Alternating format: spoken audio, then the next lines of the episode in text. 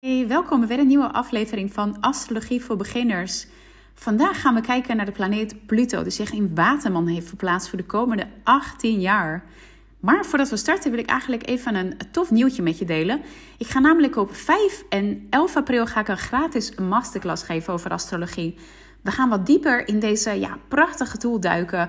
En we gaan ook naar de noordelijke en de zuidelijke maansknoop kijken in de 12 sterrenbeelden. Deze staan ook wel bekend als de Noordnood en de Southnood. Ik vind het in het Nederlands altijd ook wel iets uh, mooier klinken dan in het Nederlands. En dit staat eigenlijk voor waar je in het leven naartoe mag groeien, wat je missie is. Ik heb deze trouwens nog niet behandeld in deze podcast, dus als je er meer over wil weten, kom vooral ook mee en neem ook je chart mee, want we gaan er echt wel actief mee aan de slag. En er is ook een Q&A aan het einde waar je vragen kunt stellen. En je kunt ook uh, kans maken om een gratis astrologie-reading te winnen. Ik zal even in de show notes het linkje toevoegen, zodat je je kunt inschrijven. Alright, laten we nu kijken naar Pluto in Waterman, want dit is echt wel een big deal. Dit gaan we voelen als individu, maar zeker ook als, het, als geheel, als collectieve. Pluto is namelijk de planeet van transformatie, dood en wedergeboorte. En in Waterman het teken van vrijheid, revolutie, dingen anders doen dan anders, out of the box denken, technologie, de toekomst, het collectieve. Ja, dit wordt echt wel eh, een, eh, een, mooie, een mooi receptje. Want met Pluto in Steenbok hebben we eigenlijk gezien, waar Pluto dus vanaf 2008 heeft gezeten, hebben we de transformatie van de regering gezien. Maatschappelijke structuren, bedrijven, autoriteiten en de hiërarchie. Denk ook bijvoorbeeld aan de grote bankcrisis in 2008, die nou ja, op zijn zachtst gezegd de wereld op zijn kop heeft gezet en behoorlijk met ja, wat veranderingen met zich mee heeft gebracht. Ja, Pluto die houdt ervan om heel grondig en heel diep te werk te gaan. Hij, uh, hij wint er geen doekjes om. En met Pluto in Waterman zullen we dus een mega groei en verandering zien op het gebied van bijvoorbeeld wetenschap en technologie. Denk nu al bijvoorbeeld aan artificial intelligence, ChatGPT. Dit is echt nog maar het begin. Wij hebben wat dat betreft een nieuwe visie nodig op de samenleving en de toekomst. Uh, die eigenlijk voor iedereen werkt en de planeet als geheel. Dus onder Pluto en Waterman kunnen we een sociale en technologische revolutie verwachten.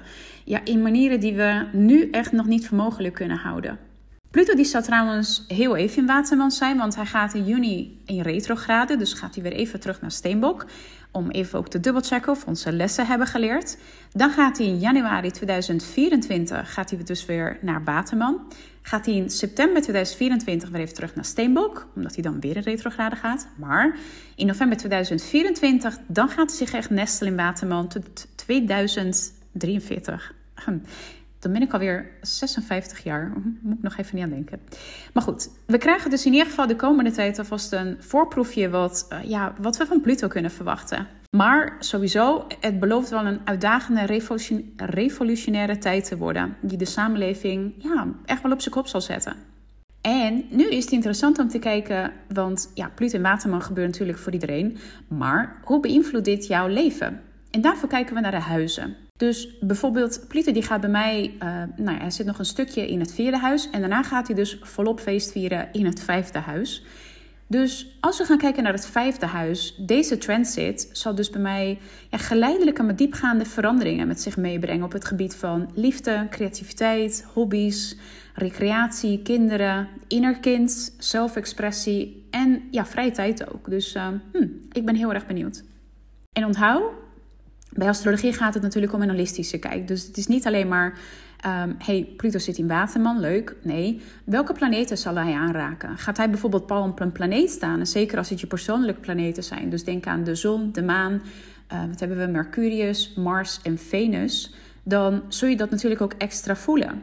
Of gaat hij bijvoorbeeld um, vierkant staan met een andere planeet? Ja, dat is ook even een hele andere energie. Want een vierkant is natuurlijk een uitdagend aspect. Dus ja, kijk vooral even verder dan Pluto in Waterman. En ja, als je hier hulp bij nodig hebt, zoals ik vaker zeg, stuur me ook vooral even een DM. Dan kan ik even met je meekijken. En mocht je niet meer weten waar de huizen over gaan, ik heb hier een podcast over opgenomen. Dat was nummer 31. Of als je liever even wilt lezen, in plaats van dat je een hele podcast weer moet luisteren, heb ik ook een blog hierover geschreven. En ik heb het linkje hiervan in de show notes gezet. Alright, dit was het weer heel even over Pluto in Waterman. Ik weet zeker dat, uh, dat ik hier nog vaker wel iets over uh, zal zeggen in de toekomst. En ja, heel tof als je erbij bent met de gratis astrologie masterclass. Ik, uh, ik zal even de, in de show notes zal ik even het linkje erin zetten, zodat je je kunt aanmelden. Nou, hele fijne week of fijn weekend, net wanneer je luistert. En tot de